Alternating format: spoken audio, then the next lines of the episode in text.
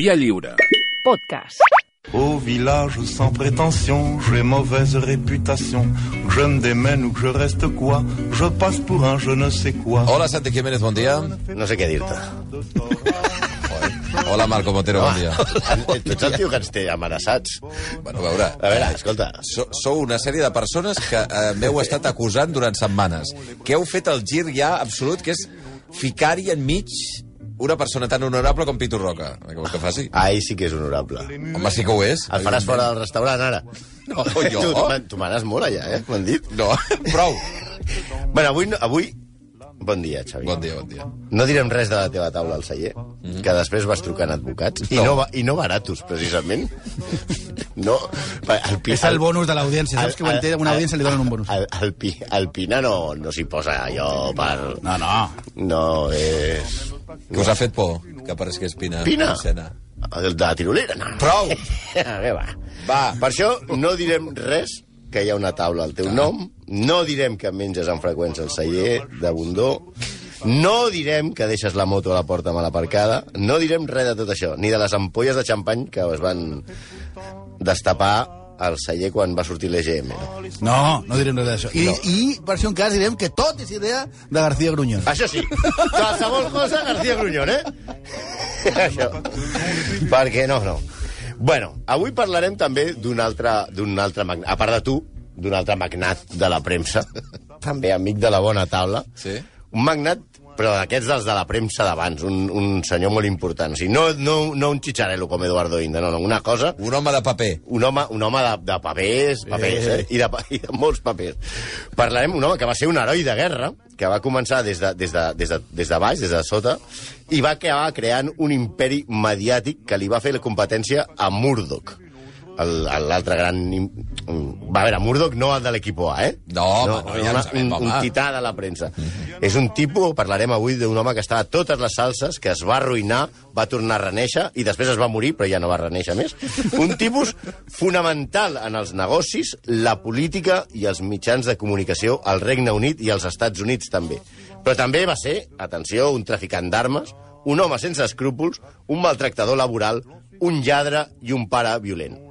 Avui, parem màquines, que li, li ventinarem a Jan Ludwig Heimann Benjamin Hock, també conegut com Captain Bob, el xec sense fons, perquè era xec de Txecoslovàquia. Ah, no el xec de... No, però és un joc de paraules que feien a Anglaterra, però que Però tothom... també funcionava igual? Clar, perquè en anglès és, és eh, bouncing check, que és el check que diguem que rebota, que és com es diu sense fons en anglès. I xec també és el mateix I concepte check per check, és, sí, Val, funciona val. igual que en català. Ja saps, l'anglès i el català són la mateixa llengua. Sí, el Sí, mateix. A veure, es deia Jan Ludwig Heimann Benjamin Hock, Sí. però tothom el coneix com Robert Maxwell. V de tu coche, gratis. Y como siempre disfruta. Què és això? Què era això? Un cotxe gran. La publicitat.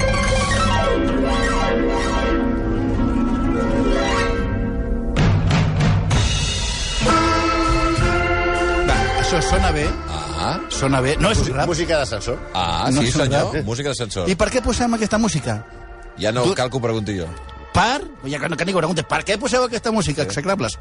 Per defensar el Robert Maxwell original. Això que sona és de Robert Maxwell. Però que el vostre? No, un Ah. artista. Un artista, no, no, però no un artista, venga, art, art- artista, no, Artista. artista, amb P. En P, arpista. Amb P, de part I on està d'arpa. la- l'arpa, a veure? I no l'alpista. Al començament sortia... Ah, vale, al principi. Vale, vale.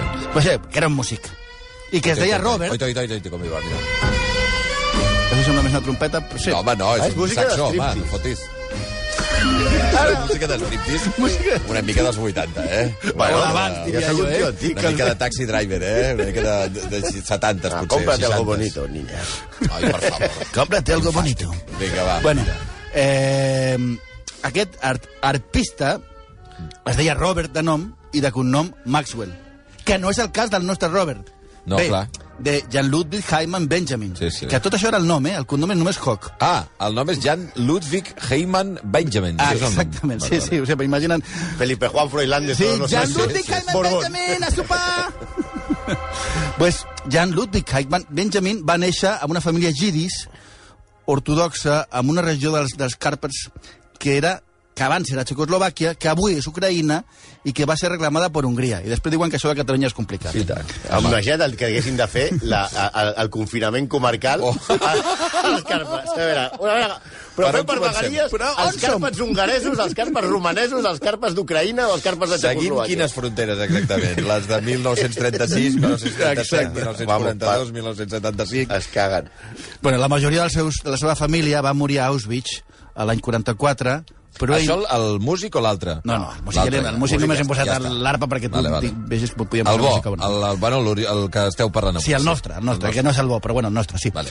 Però ell, molt jove, als 16 anys, havia marxat a, a França i es va unir a l'exèrcit txecoslovac a Marsella. La cosa, com tothom sap, no va anar bé i els nazis es van fer una passejadeta per, per França, això es veu que ja no hi havia Astèrix, així que Jan Ludwig Heimann Benjamin va, es va listar als anglesos. Mhm. Això sí, ja va canviar de nom, perquè ja es deia Ivan de Moguer. D'on va treure aquest nom? Sí. El nom no ho sabem, l'Ivan aquest, però el cognom d'una marca de cigarrets. Morier. Sí, clar, que si arriba a fumar celtas cortos li queda un nom una mica més raro, no? Però bueno, també una altra època es va dir Leilis, eh, Leslie Smith. Ah, també? Sí, potser en homenatge a Leslie Nielsen, que no havia nascut, o a Aníbal Smith, perquè avui surt molt a l'equip A. O el Leslie del Sirex. Ah, Exacte. Exacte. Que Leslie del Sirex és per Leslie Howard. Ah, sí? Em sembla que sí. Ah. I si no, ja ho he tirat. La qüestió és tirar-ho. La qüestió és que en aquella època és un soldat exemplar mm. i un heroi. I un heroi que se li fa? Se li posa una medalla. Ara. I si tu ets de l'exèrcit anglès, qui et condecora? Qui, Eh, qui, qui? Montgomery! Ah, home, Monty! Montgomery! Vale, Montgomery. Montgomery! Ja ha de torna a sortir un altre cop.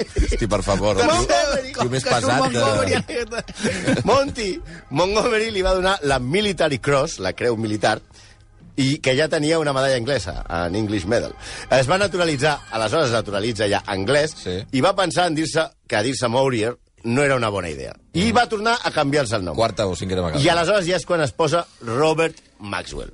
Home, hem de pensar que el tio es deia Jan.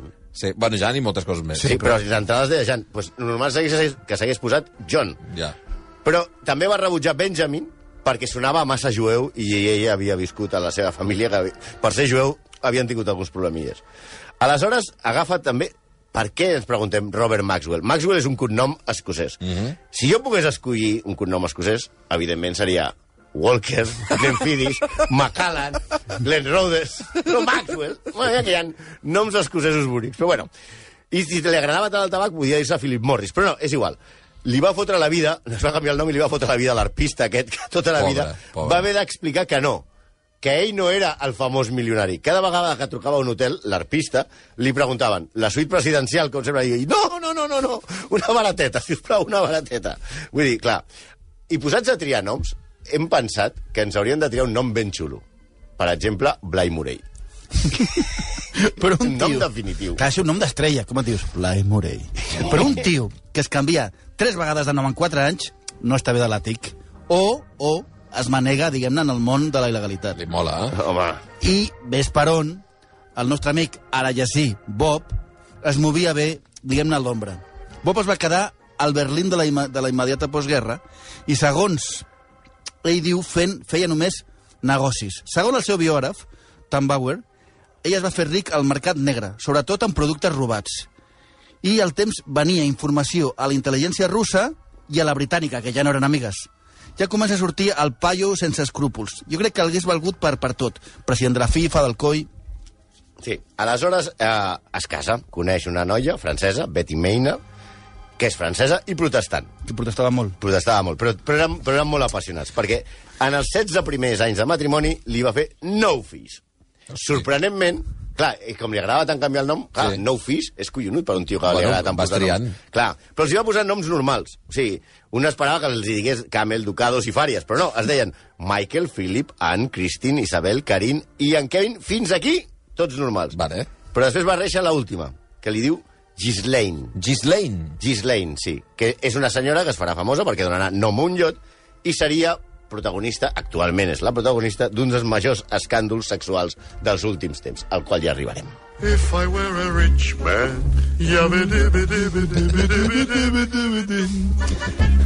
All day I això d'on ve? Bueno, això és obvi perquè el pobre soldat fa un primer pelotazo.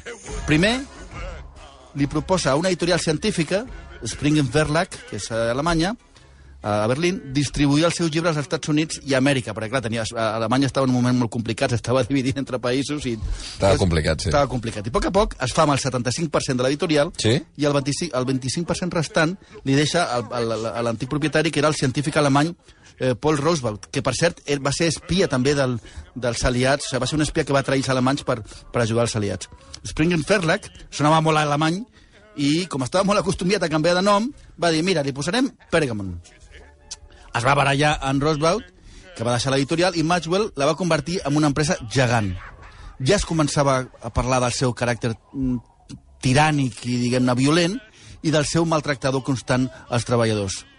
Va començar a créixer i a comprar empreses i empreses. I feia, com es diu ara, comptabilitat creativa. Hombre, Segons un treballador, com a cap era, que m'encanta la definició, tèrbol i perillós. Epa. Una mena de giri-gir, però a lo grande. Sí, i, més, i molt més ric que Gil i Gil.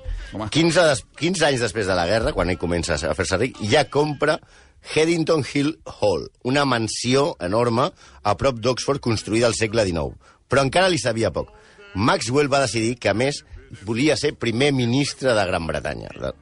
Semblava impossible, però també és impossible. volia Semblava... ser primer ministre. Sí, sí, es va ficar en política per ser primer ministre. I va dir a tot arreu, jo seré primer ministre del Clar, semblava impossible que aquest home, nascut a Txèquia, amb aquests negocis... Però també semblava difícil que Bartomeu arribés a president del Barça o que Toni Cantó arribés a ser diputat. Però, bueno, aquestes coses... Bueno, ara diu que Toni Candó s'ha ofert al PP valencià.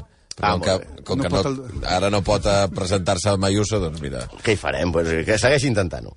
Va arribar... Realment es va presentar pel Partit Laborista i va entrar en el Parlament el 1964 i al 66 va ser reelegit. Però va perdre el seu, el seu escó al 70 i aleshores ja va deixar la política. La política de primera línia, perquè ara es dedicaria a gestionar els polítics mitjançant els seus diaris. O sigui, volia comprar diaris, però sempre, sempre, sempre se li avançava Rupert. I no el, el perruquer aquest de Rupert, te necesito. No. Sinó Rupert Murdoch. Sí, Era Murdoch. la guerra Rupert contra Robert, o Robert contra Rupert. I sempre guanyava Rupert. Ell, Robert, va voler comprar News of the World, però si li va avançar Rupert. Va voler comprar The Sun i, i el Times. Però també aquí va arribar abans Rupert. Per si fos poc, va perdre la propietat de Pergamon, aquest, del seu editorial, per les seves irregularitats. Ell havia intentat vendre el, aquest grup editorial a un milionari jueu americà que es deia Saul Steinberg i per tal de treure més pasta va falsejar els comptes i això què va fer? Que el grup el, el valor del grup fos molts mil grans a la, a la borsa. Va anar creixent. El govern Mhm. es va donar i va dir, xaval, ¿dónde vas? I ell va perdre el grup i va canviar el nom a la resta del grup perquè pensava que no, no, no li feia prou, prou, prou honors i li va dir The Maxwell Communication Corporation. I va llançar un diari, The London Daily News, un diari gegantí, Xulo, eh? però l'any va tancar.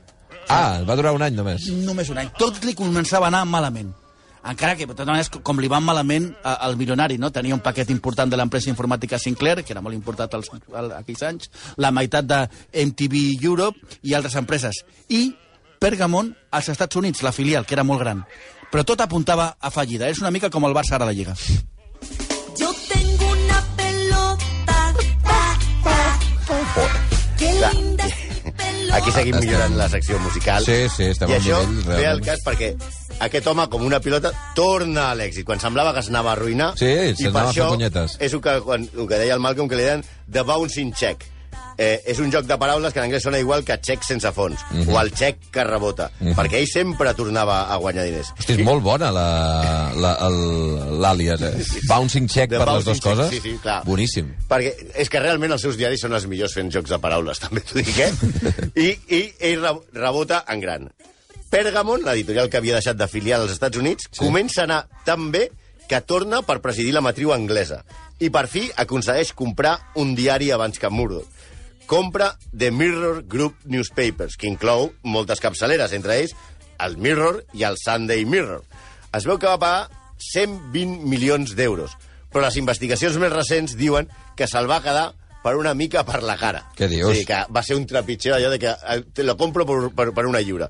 Una mica com a, a Gil i Cerezo amb l'Atlético de Madrid. Sí.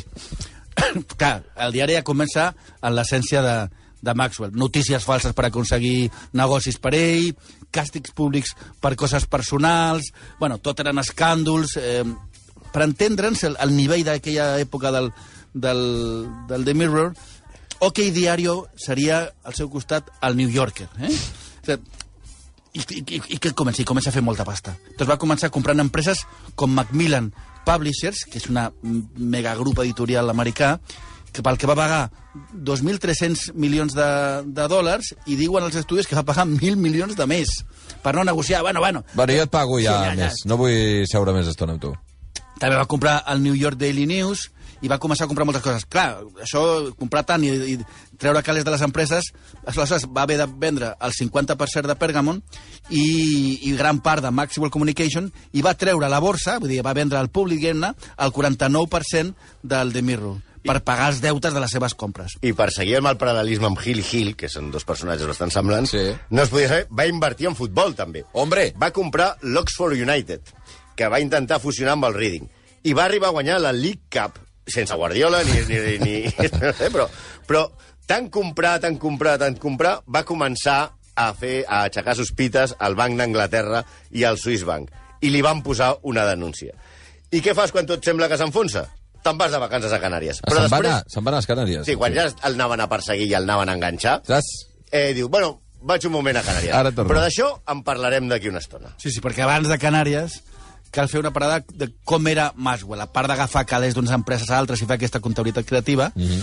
hem de veure com ell era com a persona. Per començar, eh, amb els seus treballadors. Ja hem dit que li tenien pànic.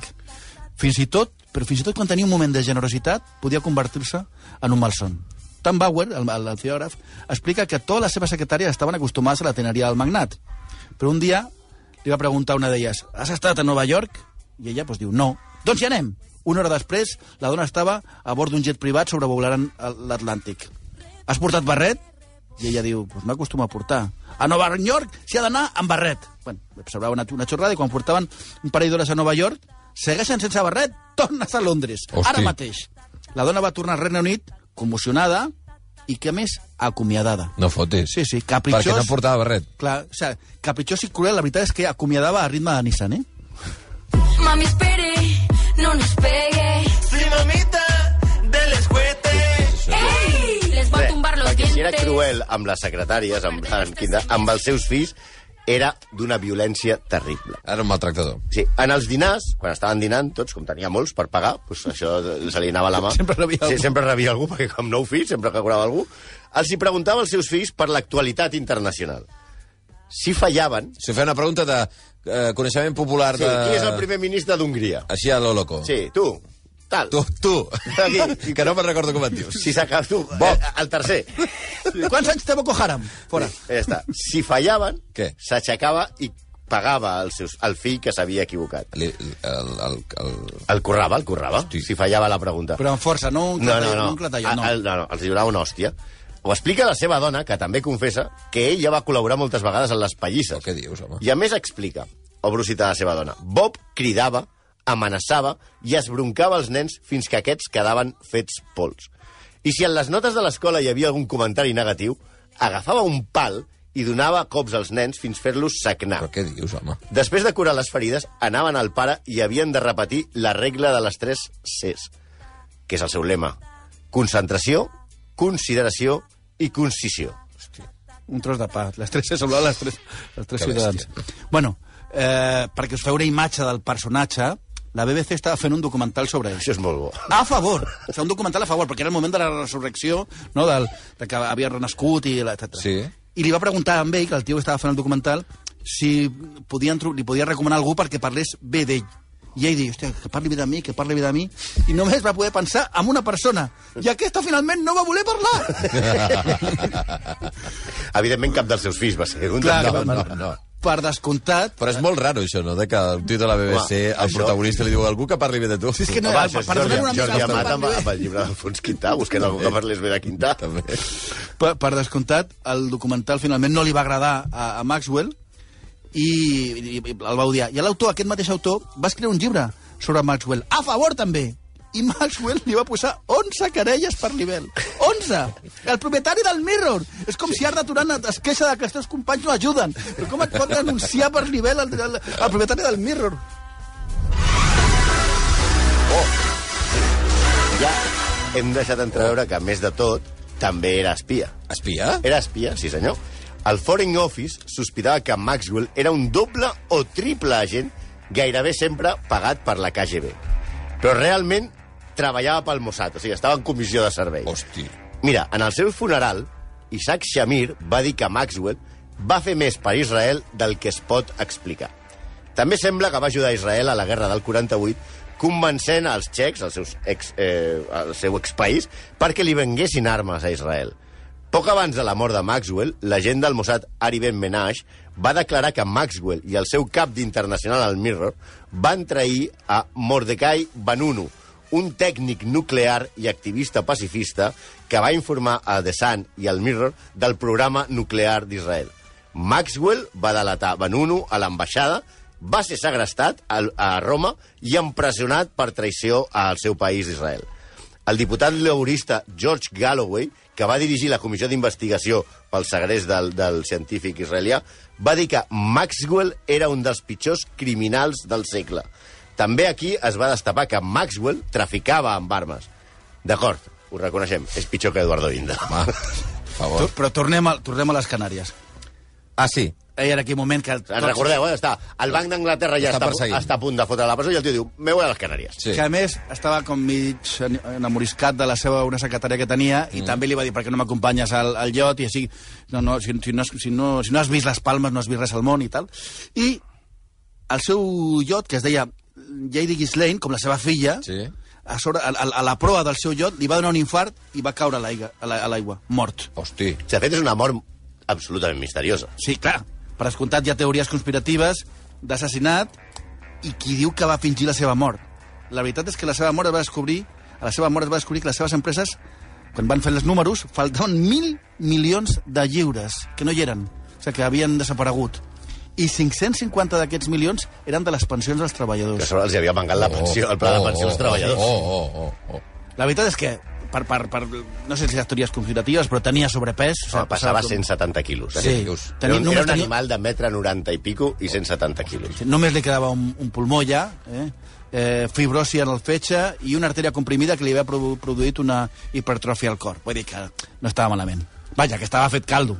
Però si hagués tornat a Angla- a Anglaterra, el següent infart segurament li hagués donat a la presó. Però la família continua, i això, el que es dèiem, el llot es deia Lady Ghislaine, com Sí. la seva filla, la seva... Ghislaine Maxwell. Ghislaine Maxwell. Qui és la Ghislaine madame de Epstein, que està... ha sortit als diaris molt perquè és la madame de... La que aconseguia Jeffrey Epstein. les menors per les festes i les orgies Quina, d'Epstein. quina família, eh? Ja, com, com serà el net? Ja s'ha assassí en sèrie? Per favor.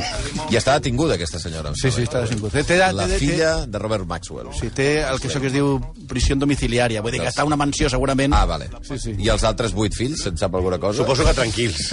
No, hi ha un parell que van morir, hi ha un parell Ah, que van ui. morir. La, i, la, i, la, I la resta estan molt queixosos perquè eh, ara no són supermilionaris, només són milionaris. Però podria ser que estigués viu i no ho sapiguéssim, Robert Maxwell? Va haver-hi molta... Va haver-hi un gran... Ara- A Anglaterra, clar, els diaris de la competència Home. va, van començar a fer Home. aquest tio ha desaparegut, ha fingit la seva mort a Canàries... I clar, Que raro, quan, que clar, quan raro. Va arribar, quan va arribar el, el, el del llot, que era un llot que havia jugat a Canàries, va dir, gallo, yo tenía un gordo aquí y se me cayó al agua. ja, ja no hi és. Iau. Iau. Ja, el mar, eh, per tant, el seu cos, si és que existeix... No, no. Has de dir que ara, ara tindria uns 100 anys, ara ja és una mica probable que, que l'hagués palmat. Ja, Però ja. en el seu moment... En el seu moment, que fa 30 anys. Les 11 i 7 minuts, doncs gràcies, eh? A vosaltres. Escolta, eh, Què, què, Ja, està, en pa- ja estem en paus, no? Bueno, no ho sé, depèn. No m'agafat pen, si ja ens hem, ens hem retractat de No, tot. vosaltres No, no, hem no, dit que no direm mai Hem dit més que que, ja no que direm has mai anat al més, CD que aparques la moto No allà. us, heu, re- no us heu retractat i a més heu acusat a un company de ser bàsicament el, el creador de tot plegat, que és el Toni García. tot és idea Evi- seva. Evidentment. Pues ja li A preguntarem al nosaltres Toni. no ens surt aquesta... No, no, ja, els- ja li Sí, preguntarem sí, al Toni si és ell realment. No sé tu. Bueno, va, eh, ja veurem. Sauf les amours, Apa, adéu-siau. bien entendu.